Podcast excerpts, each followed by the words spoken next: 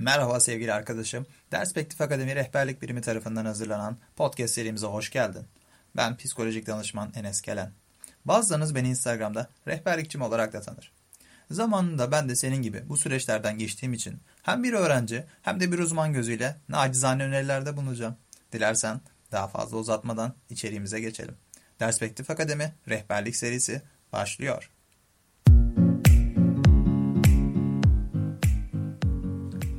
Merhaba sevgili arkadaşım. Yeni bölüme hoş geldin. Bu bölümde sana ders çalışma programı nasıl hazırlanır bununla ilgili bilgi veriyor olacağım. Hemen başlayalım.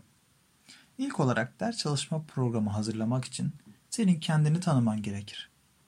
Günlük yaşantını bir gözden geçir. Günlük hayatta neler yapıyorsun? Hangi saatlerde enerjin yüksek? Hangi saatlerde ders çalışmak senin için verimli oluyor? Kaçta uykun geliyor? Yemek saatlerin ne? Hangi dersi kolay anlıyorsun veya zor anlıyorsun? Arkadaşlarına ne kadar zaman ayırıyorsun? Seyrettiğin filmler, diziler ne kadar vaktini alıyor? Ailenle ne kadar vakit geçiriyorsun? Bunu bir hafta gözlemle ve bir kağıda yaz. Hangi gün kime neye ders dışında zaman harcadığını bilmiş ol.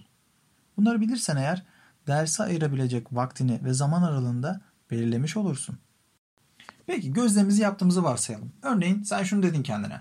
Pazartesi günü saat 4 ile 8 arasında 4 saatlik vaktim var ve ben bu 4 saatlik vakitlerde verimli bir şekilde ders çalışabilirim.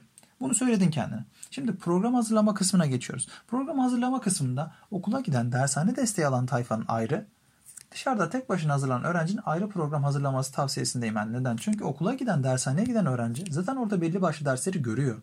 Öncelikle onları tekrar etmesi ve onların çalışması daha sağlıklı olur. Diğer gruptaki öğrencinin planlamasını kendisi yapabilir e, günde iki dersi, üç dersi istediği şekilde konularını yayabilir. Onda bir sıkıntı yok. Ama okula giden, dershaneye giden tayfa ne yapacak? Hemen onu anlatıyorum. Öncelikle çalışacağın ders o günün tekrarı ve ertesi gün göreceğin derslerden olmalı.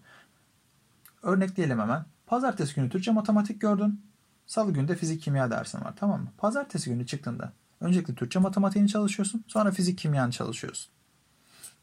Böylelikle sen fizik kimya dersin öncelikle pazartesi gecesinden çalıştın.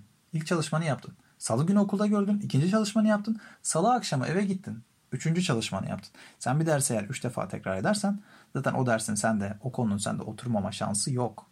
Dershaneye gitmeyen, e, tek başına hazırlanan öğrenciler ise iki, günde 2-3 ders gelecek şekilde planlamasını yapabilir.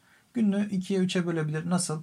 İşte sabahtan öğlene kadar bu dersi bitireceğim. Öğleden akşama kadar bu dersi bitireceğim. Akşamdan yatana kadar da bu dersi bitireceğim şekilde planlamasını yapabilir. Kendine göre çalışmasını dizayn edebilir. Biz öğrenciler olarak genelde ders çalışma programlarında zorlandığımız derslere pek yer vermeyiz. Ama bu yanlış bir alışkanlık. Aksine zorlandığımız derslere daha fazla öncelik vermeliyiz ki onlara daha fazla zaman ayırmalıyız. Çünkü o derslerde kendimizi geliştirmeye ihtiyacımız var. Bu derslerden kaçmak yerine çevremizdeki olanakları kullanmayı öğrenmeliyiz. Örneğin matematikte zorlanıyoruz diyelim. Daha iyi anlayan bir arkadaşımıza sorabiliriz. Hocalarımıza gidebiliriz. Başlangıç düzey kaynaklar alabiliriz. Konuyu en basit şekilde anlatacak kitaplar alabiliriz. Yani elimizden geldiğince bunun için çaba göstermeliyiz. Yani ben bunları yapmadığım sürece dünyanın en iyi ders çalışma programı da olsa bana fayda etmez. Öncelikle benim o iradeyi göstermem gerekir. Benim o başlangıcı yapmam gerekir. Bu konuda anlaştığımızı düşünüyorum sevgili arkadaşım. Bu bölümde sana ders çalışma programını nasıl hazırlayabilirsin? Bununla ilgili bilgi vermeye çalıştım. Bir sonraki bölümde görüşmek üzere.